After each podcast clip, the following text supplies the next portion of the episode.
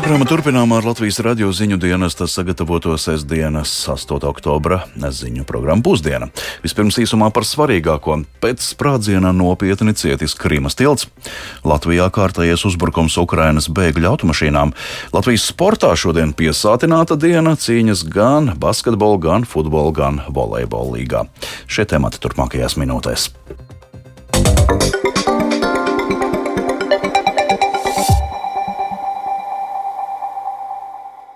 Uz tilta, kas pār Kerčas šaurumu savieno Ukrainai piedarošo Krimas pussalu un Krievijas teritoriju, šorīt notika spēcīgs sprādziens, kas nodarīja nopietnus bojājumus strateģiski svarīgajam infrastruktūras objektam. Krievijas varas iestādes sākušas notikušā izmeklēšanu, bet Ukrainas amatpersonas paudušas gandarījumu par incidentu. Vairāk stāsta Ulris Česbers. Pirmās ziņas par sprādzienu uz Krimas tiltu pienāca ap pulkstens sešiem pēc Latvijas laika. Sākotnēji Krievijas ieceltās Krimas varas iestādes paziņoja, ka sprādziena rezultātā ir aizdegušās degvielas cisternas, ko pa tilta dzelzceļa daļu veda kravas vilciens. Savukārt sociālajos tīklos publicētajos fotoattēlos un video bija redzams, ka ir iebrukusi blakus esošā tilta daļa, kas ir paredzēta autotransportam. Vēlāk Kremļa ieceltais Krimas vietvaldis Sergejs Aksjonovs apstiprināja, ka ir iebrukuši divi automašīnām paredzētā tilta laidumi.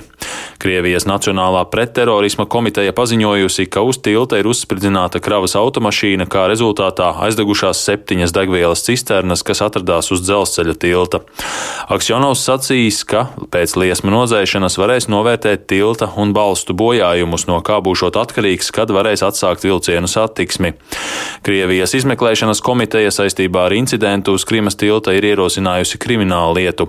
Savukārt Krievijas prezidents Vladimirs Putins ir uzdevis izveidot īpašu valdības komisiju, kurai būs jānoskaidro notikušā apstākļi un jākoordinē seku likvidācija, paziņojis Kremļa preses sekretārs Dmitrijs Peskovs.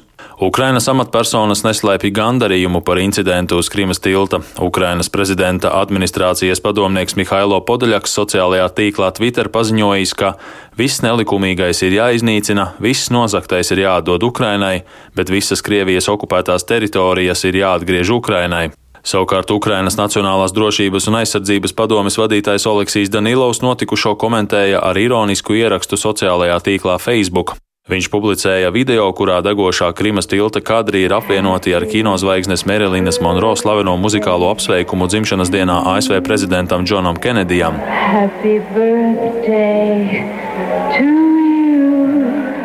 Tas visticamāk bija Danilova pēdiņās sveiciens Krievijas prezidentam Putinam viņa 70. jubilejā, kas bija vakar.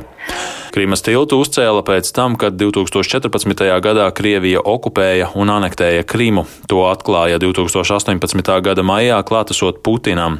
Tilts nodrošināja dzelzceļa un autotransporta satiksmi starp Krimu un Krieviju, bet pēc 24. februārī notikušā Krievijas pilna apmēra iebrukuma Ukrainā to izmantoja, lai apgādātu agresoru valsts karaspēku Ukrainas dienvidos.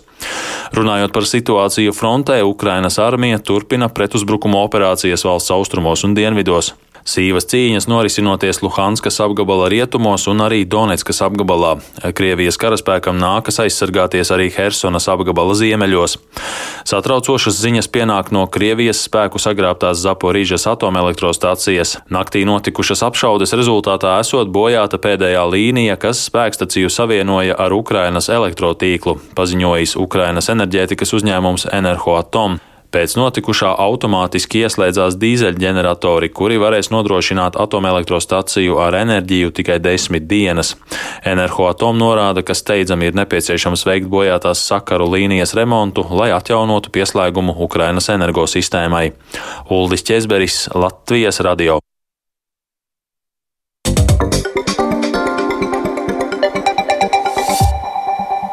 Turpinām par aktuālo pašu mājās. Naktī uz piekdienu viesu mājā netālu no Rēzeknes notikusi divu automašīnu dedzināšana. Ukraiņu bēgļu ģimenei piedaroša automašīna sadegus pilnībā, bet viesu mājas saimnieka automašīnu izdevies laikus apdzēst.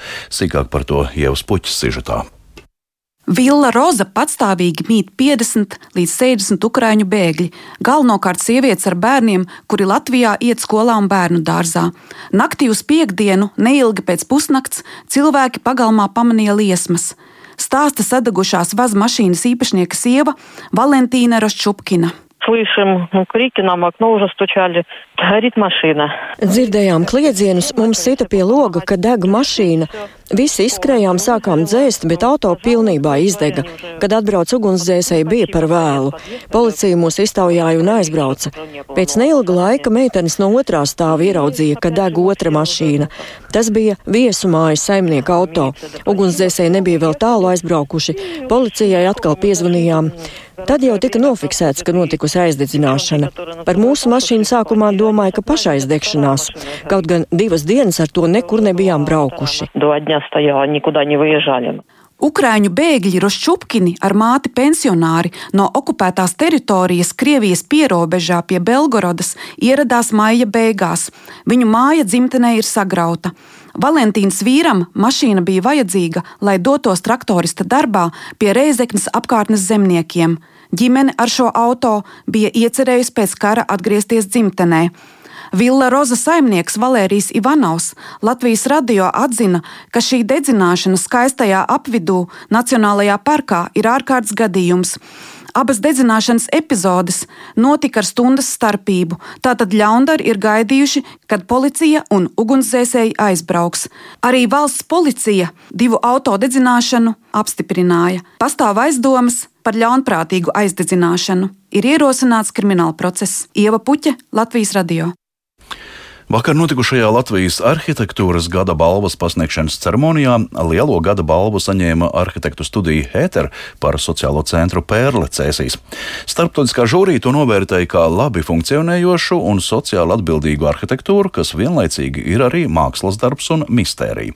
Balvas saņēma arī Daugopils cietokšņa vēsturisko ēku restaurācijas projekts, kā arī Brūzis manufaktūra Rīgā. Plašāk Baibas Kušķis ierakstā. Very nice piece, and it is Perele.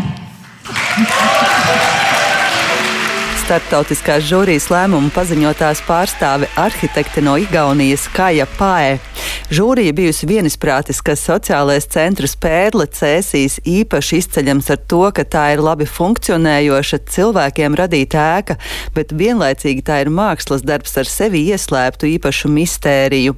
Par žūrijas lēmumu prieku neslēpja arhitektu studijas ētera arhitekti Niklaus Paegli un Kārlis Bērziņš, jo tā ir arī viņu pirmā publiskā ēka īstenot īstenota Latvijā. Mums ir ārkārtīgi liels prieks, ka cēsīm šāda ēka ir. Un pats svarīgākais, ka vismazāk aizsargātākajai sabiedrības grupai ir īpaša ēka, kurā ir dots vairāk nekā mums ir ierasts. Un viņi to tiešām novērtē. Tas ir kaut kas, ko sociālajie dienas centri nepieredz ikdienā. Un es ceru, ka šis kā pilotprojekts uzsāks daudz aktīvāku domāšanu par šīm ēkām un par to, ka mums šīm tieši sabiedrības visstrauslākajām grupām ir jādod labākais, ko mēs spējam dot. Es pieņemu, ka liels nopelns, kāpēc mēs vispār ieguvām šo balvu, ir dēļ tās sociālās misijas ēkas. Un tas ir lielāks projekts nekā vienkārši ēka. Mums vienkārši jāturpina Latviju attīstīt katrā reģionā kaut kas tik nozīmīgs, lai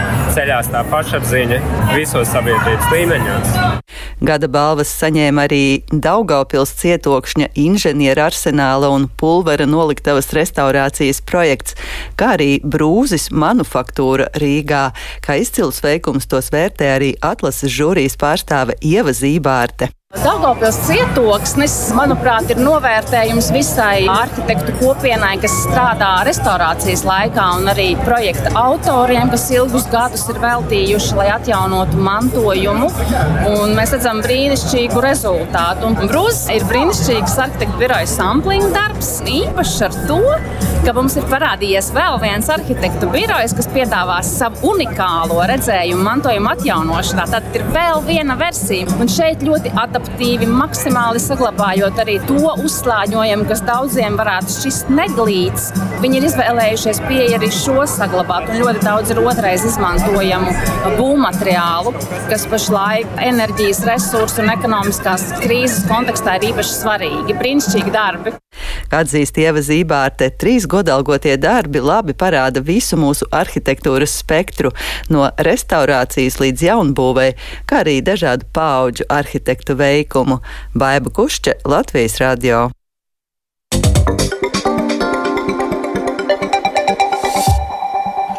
Turpmākajās minūtēs pievērsīsimies sportam. Latvijas sportā šodien piesātināta diena. Cīņas notiks gan vietējā basketbola, gan futbola, gan volejbola līgā, bet vakarā par prestižu jostu cīnīsies pašmai labākais kickboks pārstāvis Zaurs Džabadovs. Pāri visu vairāk to līdz stāstīs kolēģis Mārtiņš Kļavinieks. Sveiks, Mārtiņ! Sveiks, Girta, un sveicināt arī Latvijas radio pirmā kanāla klausītāji! Tad vispirms ieskicē šodien gaidāmo vai vēlies arī izcelt kādu no vakardienas sporta notikumiem. Jā, es sākšu ar uh, kādu spilgtu vakardienas notikumu, jo sākusies ir Nacionālās hokeja līgas sezona un sākusies nevis kāds ierasts uh, Atlantijas okeāna taipusē, bet uh, šai pus okeānam proti tepat Čehijas galvaspilsētā Prāgā un uh, vakardien Nešvils Predators um, aizdīja pirmo NHL regulārās sezonas maču un izcīnīja uzvaru pār San Jose Sharks ar 4 pret 1 un tās ir tās augtās Global Games jeba globālās spēles NHL, kas tiek aizdītas ārpus Ziemeļamerikas. Jau maču otrajā minūtē Nešvilas komandu vadībā izvirzīja Kīfers Šervuds, vēlāk rezultātu izlīdzināja Čehs Tomāš Hētls. Otrajā trešdaļā Predators pārsvaru atkal atjaunoja Elī Tolvanens un Nino Niderreiters, bet trešajā ripu tukšos vārtos raidīja Mēts Dušeins. Bet par gūtiem vārtiem pēc spēles žurnālistiem arī Latvijas radio pārstāvim Mārim Bergam pastāstīja Predators pirmā precīzā metiena autors Kīfers Šervuds. Klausāmies! Yeah, it's, uh, it's surreal. Happy to contribute. Sajūtas ir sirreālas. Esmu ļoti gandarīts, ka uzvarējām. Rīt darbiņš jāpabeidz. Es centos spēlēt vienkārši, virzīt ripu uz vārtu priekšu. Redzēju, ka ripu tur mētājies, meta no visa spēka un tā iegāja vārtos. Viss notika ļoti ātri jau pirmajā nomaiņā. Spēles laikā atradām savu ritmu, labi darbojāmies spēka spēles elementos. Tādā pat garā jāturpina. Gain possession from that forecheck. Jā, tālāk Kīfers Šervuds, Nešvils Predators hokejists un jāpiebilst, ka NHL ciemošanās Prāgā gan līdz ar vakardienas maču nebeidzas. Jau šodien 9. vakarā Predators un Šarks tiksies vēlreiz. Latvijas atklātajā hokeja čempionātā šodien notiks trīs cīņas. Vispirms vienos dienā Dinamo Rīga piņķos uzņems Rīgas hokeistus. Paralēli cīņu Volvo ledus hallē aizvadīs arī Prīzma, kas uzņems Daugavpils Dinaburgu, bet visbeidzot pussešos līdz šim nepārspētā Mogo LSPA viesosies Viļņā pie Hockey Punks. Un un Mogo LSPA ar astoņām uzvarām ir līgas līderi. Tās septembra vērtīgākais spēlētājs Kārlis Ozoliņš pastāstīja, ka vienība jau ar katru regulārās sezonas maču gatavojas izslēgšanas cīņām. Pavasarī klausāmies Kārlu Ozoliņu ir jāgatavojas katru dienu tam playoffam. Nav tā, ka pēdējā mēnesī tur kaut ko sāc gatavoties, jo mēs, mēs zinām, ka uh, Jālgau pēc tā mēs čempionāta iznāks pusotru galvu stiprāk nekā viņi tagad ir. Un, uh, mums kaut kā ir jā, kaut kas būs jāliek pretī, tā ka mēs katru dienu maucam, katru spēli uz mēģinam uz 100%, tā kā playoffā iet un lai mēs būtu gatavi uz playoffu. Jā, tālūk, Mogo LSPA hokejists Kārlis Ozoliņš un ātri tad ieskicējuši vēl arī pārējos šodien gaidāmos notikumus Latvijas Igaunijas basketbola līgā Ogre savā laukumā uzņems Latvijas universitāti. Šodien spēli pārraidīs tālrāds kanāls TV4 un tīmekļa vietne sporta cenas kom. Latvijas futbola virslīgā šodien divi 31. kārtas mači. Arī tātad turnīra vicelīderi ciemosies pie Jūrmalas Spartaka un tāpat arī Tukums Telms 2000 uzņems Supernovu. Pirmā spēle vienos dienā, otrā trijos, un abas, abas cīņas arī TV4 tiešraidē un arī sporta cenas kom tīmekļa vietnē. Savukārt Baltijas līgas jauno sezonu šodien savā laukumā sāks Jūrmalas RTU Robežsardze volejbolisti, kas piecos pēcpusdienā uzņems Daugavpils Universitātes ezerzemes vienību. Un visbeidzot, arēnā Rīga šodien notiks starptautiskais cīņu šovs LNK Fight Night 21. Tur desmit cīņas dažādos sporta veidos, gan boksā, gan kickboksā. Sākums septiņos vakarā un, protams, Eiropas čempionāts Kikboksā Zaužs Džavādovs būs uzmanības centrā, kurš tātad aizdīs cīņu pret Spānijas pārstāvu Fernando Martinu Sančesu pār prestižo WKN jostu. Un tas man par sportu šodien viss. Jā, paldies Mārtiņš, Mārtiņš Kļavnieks par aktuālo sportā. Un līdz ar to arī izskan 8. oktobra ziņu programma pusdiena. To producēja Vija Bremse, par labskaņu rūpējās Ulds Grīmbergs un Toms Šupeiko studijā Ģercauzāns. Vēl īsi par svarīgāko. Pēc sprādziena nopietni cietis Krimas tilts, Krievijas varas iestādes sāk izmeklēšanu, Ukrainas amatpersonas pauž gandarījumu, Latvijā kārtējies uzbrukums Ukrainas bēgļu automašīnām, Latvijas arhitektūras gada balvu 2022 saņem sociālais centrs Pērle Cēsīs.